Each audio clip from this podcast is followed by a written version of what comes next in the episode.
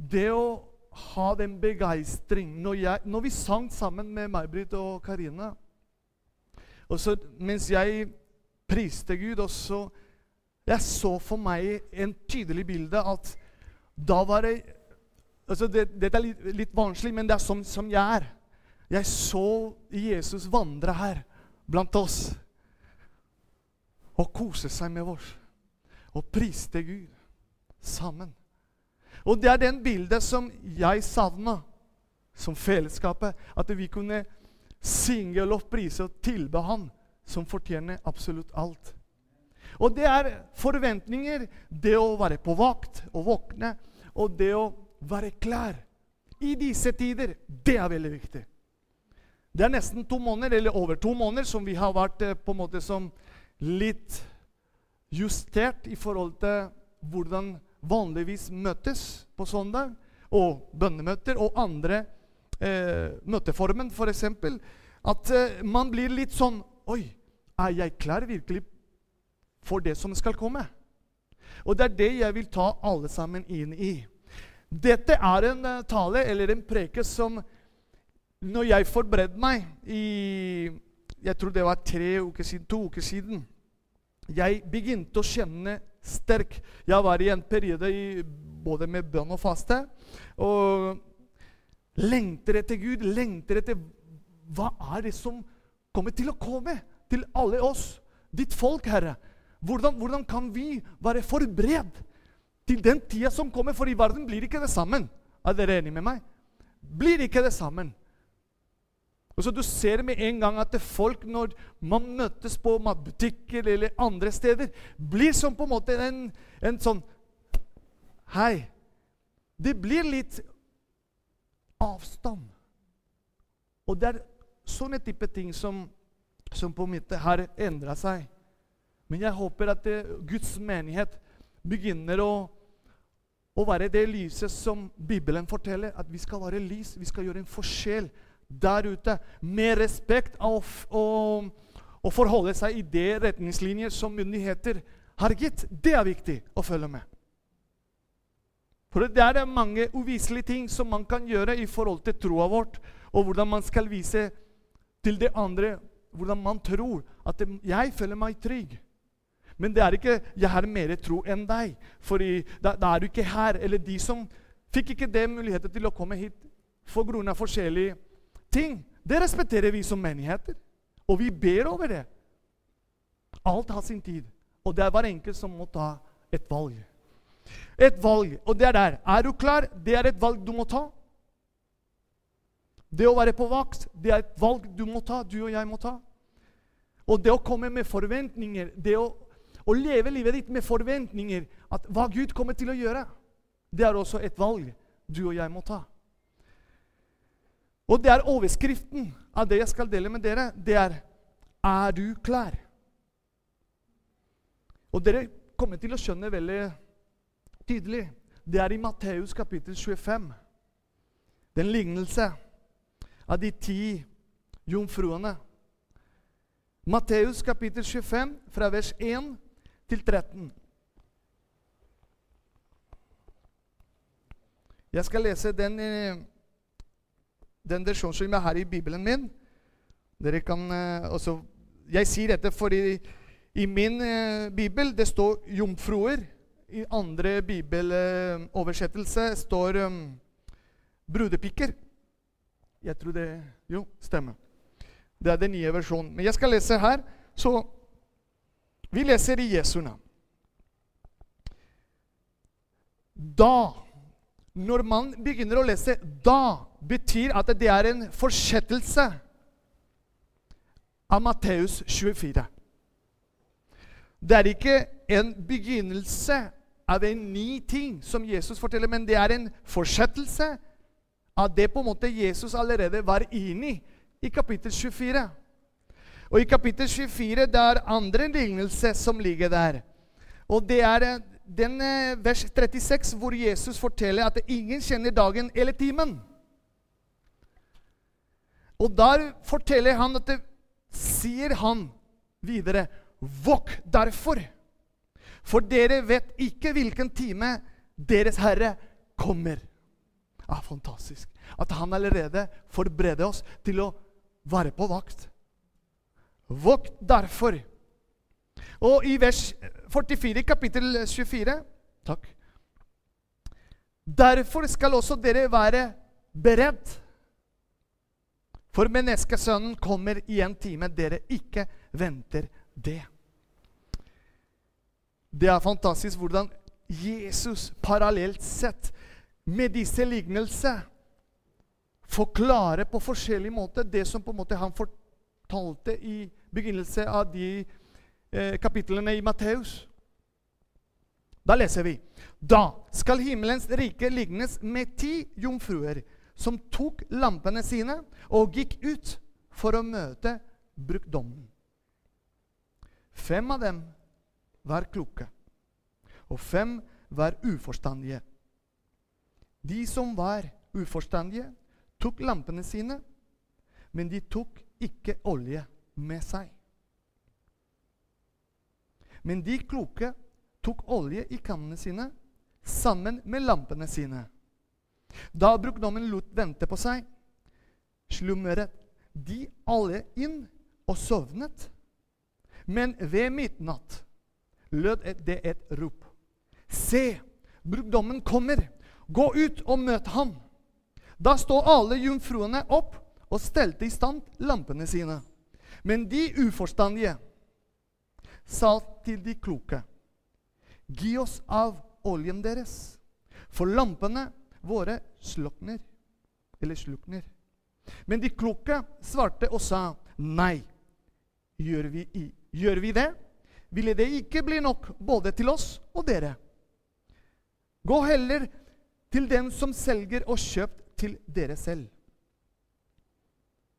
Men mens de gikk bort for å kjøpe, kom brungdommen. Og de som var redde, gikk inn med han til bryllupet, og døren ble stengt. Etterpå kom også de andre jomfruene og sa, 'Herre, Herre, lukk opp for oss.' Men han svarte og sa, 'Sannelig sier jeg dere, jeg kjenner dere ikke.' Våk derfor, for dere kjenner verken dagen eller timen for menneskesønnens komme. Amen. Her, som til innledning, sa jeg at i det siste tida jeg har søkt Herren og lengter etter en åpenbaring av det som skal komme i forhold til menigheten og mitt liv, mitt privatliv spesielt. Og eh, når jeg leste dette her, at ingen vet timen eller dag, da betyr det at du må være på vakt også. Og det er både åndelig, det er både i din praksis sett. Hvordan er man på vakt? Hvordan man er klær? Og jeg tenker forventninger Det er en måte å holde begeistring av Han som dør for deg og for meg. Den forventninger som på en måte på mandag skal, skal være på plass, på tirsdag skal være på plass, på onsdag skal være på plass. Det er den forventninger som vi som Guds folk skal ha. Ikke bare at forventninger til søndag, men forventninger Dette er bare en forberedelse til i morgen.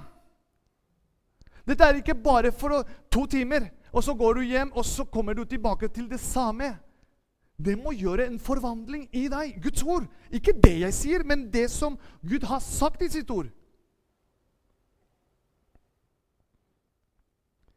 Her er det en nydelig bilde som brukes. Brukdommen, som alle vet, og hvis du vet ikke det, er Kristus. Broden er hans menighet. Er du kristen? Det er bare altså, det er du og jeg. Dette involverer oss alle sammen. Det er ikke bare en disippelforhold eller en tjenerforhold til Jesus, men en hjerteforhold. Et hjerteforhold knytta med ham. Jesus, Jesus, delte de ti brudepikkene, eller jomfruene, inn i to grupper. Marker dere dette her? De kloke, som representerer som jeg ser det, de kristne, De trofaste, de som holder begeistring, de som har en intensitet i sitt liv, åndelig liv, sitt forhold, sitt relasjon med ham. Ikke den søndagsrelasjonen. Ikke misforstå meg. Fordi hver enkelt kan velge som de kjenner seg til sitt forhold med Gud. Jeg er ikke her for å komme med pekefinger. Hvordan er ditt forhold? Er det så intenst? Nei, det, det er ikke jeg er opptatt av. Det som er viktig her, er at Jesus sjøl deler her i to grupper. I hvilken grupper er du? Jeg skal fortsette.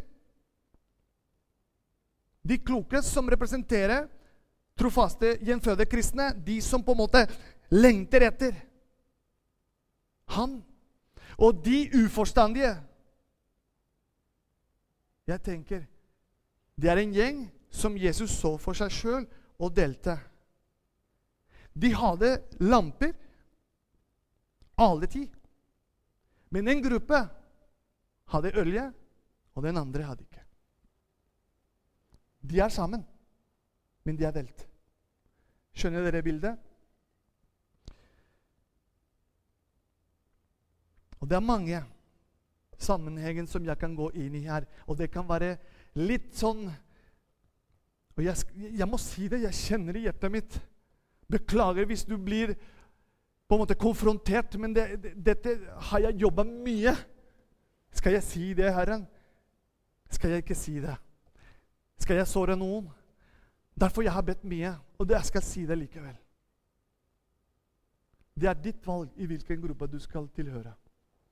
Det er ikke mitt. Det er ikke lederskapet, det er ikke pastor, det er ikke de som leder oss i lovsang, det, det er ikke bønneleder. Nei. Det er du sjøl. De fem valgte til å ikke være klar. De andre fem var klar. De trodde at de kunne låne. Det hjelper ikke. Jeg skal gå inn i det, det, i det på en måte det å låne. Det å Ja, kan, kan, jeg være som deg på søndag? Og så prøve å imitere, kopiere. Det hjelper ikke. I Guds rike, som jeg ser det her.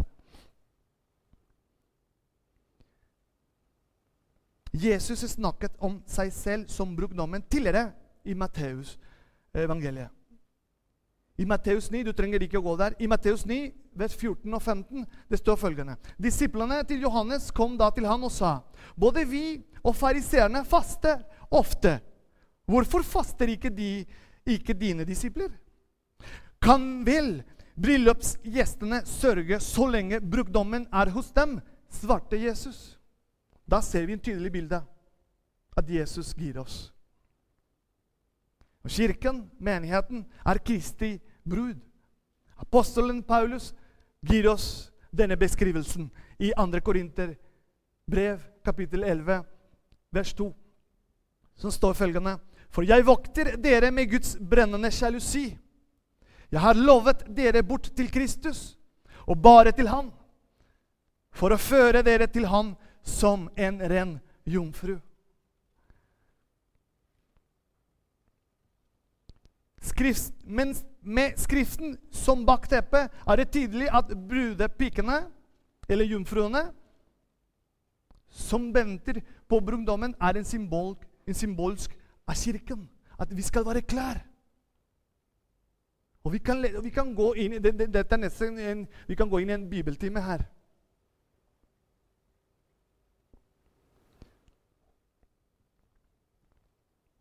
De uforstandige jomfruene som ikke var redde ved brungdoms ankomst,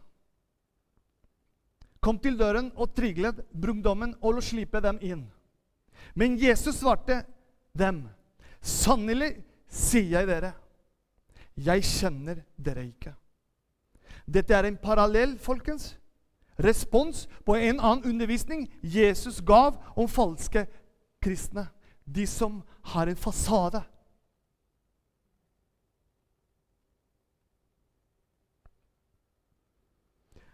Ikke annenhver som sier til meg, 'Herre, Herre', husker du det?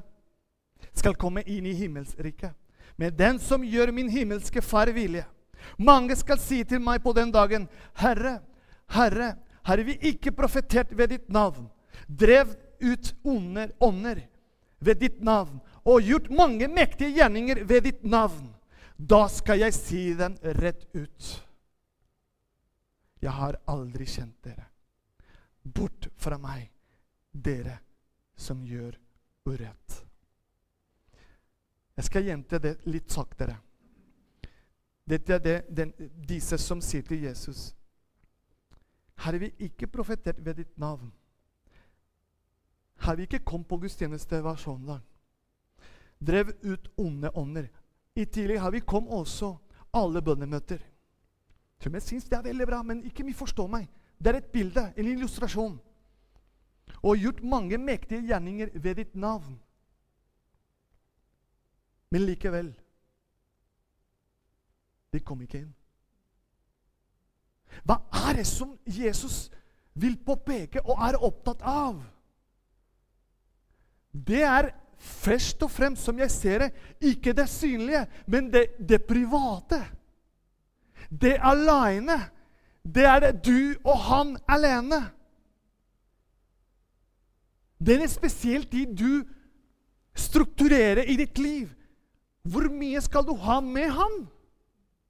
Er det du venter til søndag for å ha den? Det er ikke nok. Det sier Skriften til meg.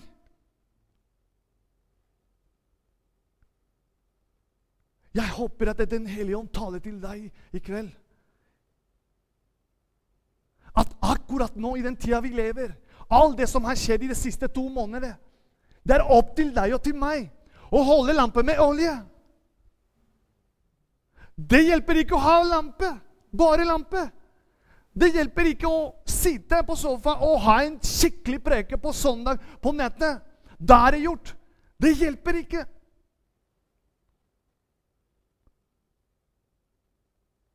For de andre hadde samme lampe, men de kom ikke inn.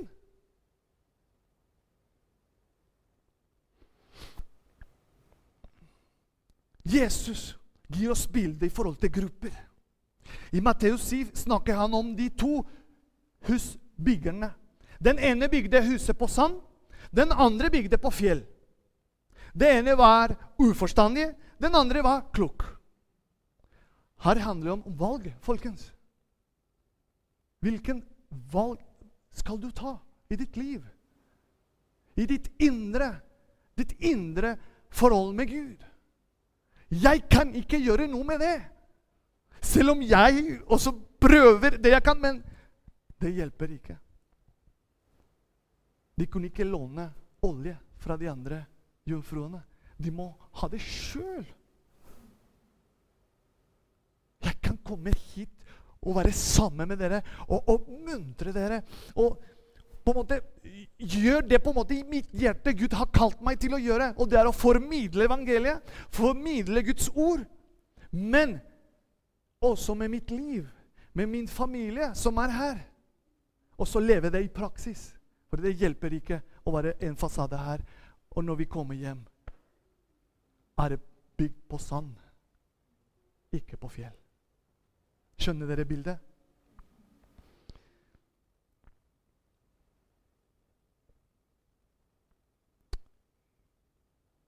Jomfruene hadde en høyt status på den tid. De var symboler på renhet. Men alle de ti sovnet. De hadde blitt mer og mer sløve. De klarte å holde seg våkne så lenge de ventet på brudgommen. Jeg Fernando, er redd for et åndelig søvnighet er kommet over oss i den periode, i de to månedene. Hva er det som får oss til å sovne? En eksempel. Det er mange, men jeg kan ta en av de. Bekymringer. Det å være bekymra. Jesus sa i Lukas 21, 34, Men ta dere i vare, så ikke deres hjerte tynges av russ og svir og timelige bekymringer så den dagen skulle komme uventet over dere som en snare. Hva er beste vaksine mot bekymringer, folkens? Å regne med Gud og stole på Ham i alle ting.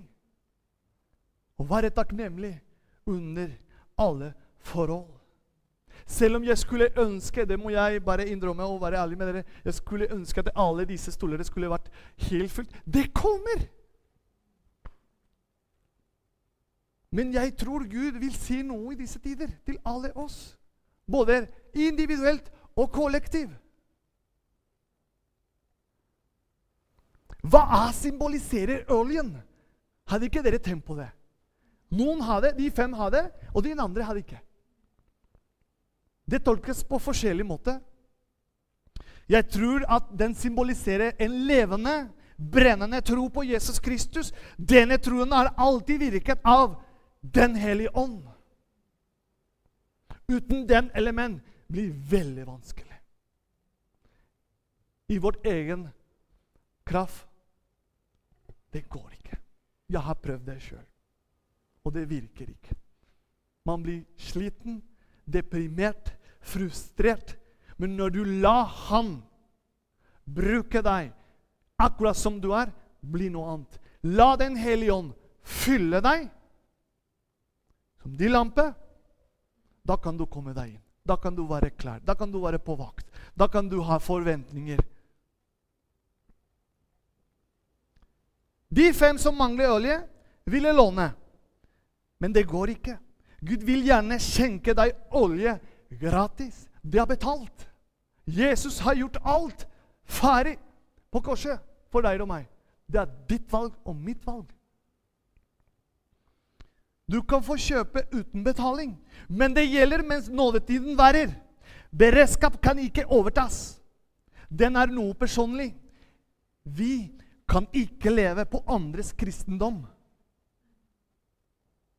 Vi kan ikke gjøre det. Jeg ser at mange er enig, fordi de gjør det sånn. Barn, ungdom, kan ikke leve på mors og fars kristendom. Det går ikke.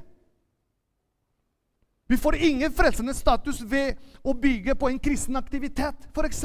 Det avgjørende er å ha en personlig og jeg er tilbake igjen levende, brennende tro på Jesus. Nå er jeg nesten ferdig. Går det bra med dere? Ja, men da, da kan det, dere kanskje tenke Oi, dette var ikke noe jeg hadde tenkt på. Men nå har jeg sagt det. Så ta det med deg i livet ditt. Ikke bare tenke på det i dag søndag, og så i morgen blir Reflektere over det. Lignelsen, den lignelsen advarer oss også om at det er noen ting i livet som ikke kan bli lånt. Det, det med olje Jeg vil bare fortsette litt med det. De uforstandige brudepikene fant ut at det, var umulig å låne olje når de fant ut at de trengte det. Det er ikke alt andre kan gjøre for deg. Jeg kan ikke, selv om som mennesker jeg har hatt lyst til å, til å ringe og til å, til å har, har, du vært, har, du vært, i, i, i Guds nærvær sammen med Han i dag? Men jeg kan ikke. Det er ditt ansvar. Men det jeg gjør, det er å be for deg. Det gjør jeg. Virkelig. Det ber jeg til Gud. Gud vekker vårt hjerte som menigheten. At vi forstår dette, at det, det handler om at hver individer her bestemmer seg, ta det valget til å søke Jesus, til å søke Guds ord, til å søke Hans nærvær. At det blir olje som overflod. Da snakker vi om å være klær, å være forberedt, å være på vakt.